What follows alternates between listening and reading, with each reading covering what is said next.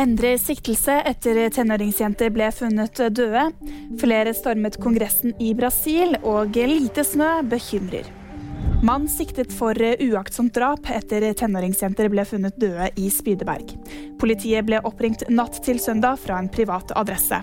Etter kort tid ble de to tenåringsjentene erklært døde. Det var snakk om mulig overdose av narkotika, opplyste politiet. En tredje jente er fraktet til sykehus. Mannen i 20-årene er tidligere straffedømt. Han erkjenner ikke straffskyld, opplyste hans advokat tidligere i dag. En annen mann er også pågrepet, siktet for å ha solgt narkotika til jentene. De to omkomne er to tvillingsøstre på 16 år. Bolsonaro-tilhengere har tatt seg inn i kongressbygningen i Brasilia.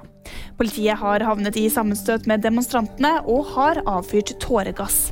Demonstrantene nekter å godta at ekspresident Jair Bolsonaro tapte høstens presidentvalg.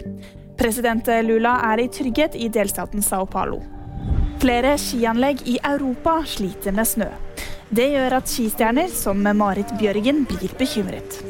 Klimaforsker ved Meteorologisk institutt er enig i at skisporten går en tøff fremtid i møte, og bør vurdere tiltak. Annet kan det være å flytte anleggene lenger bort fra folk. VG-nyhetene fikk du av meg, Jiri Friis Edland.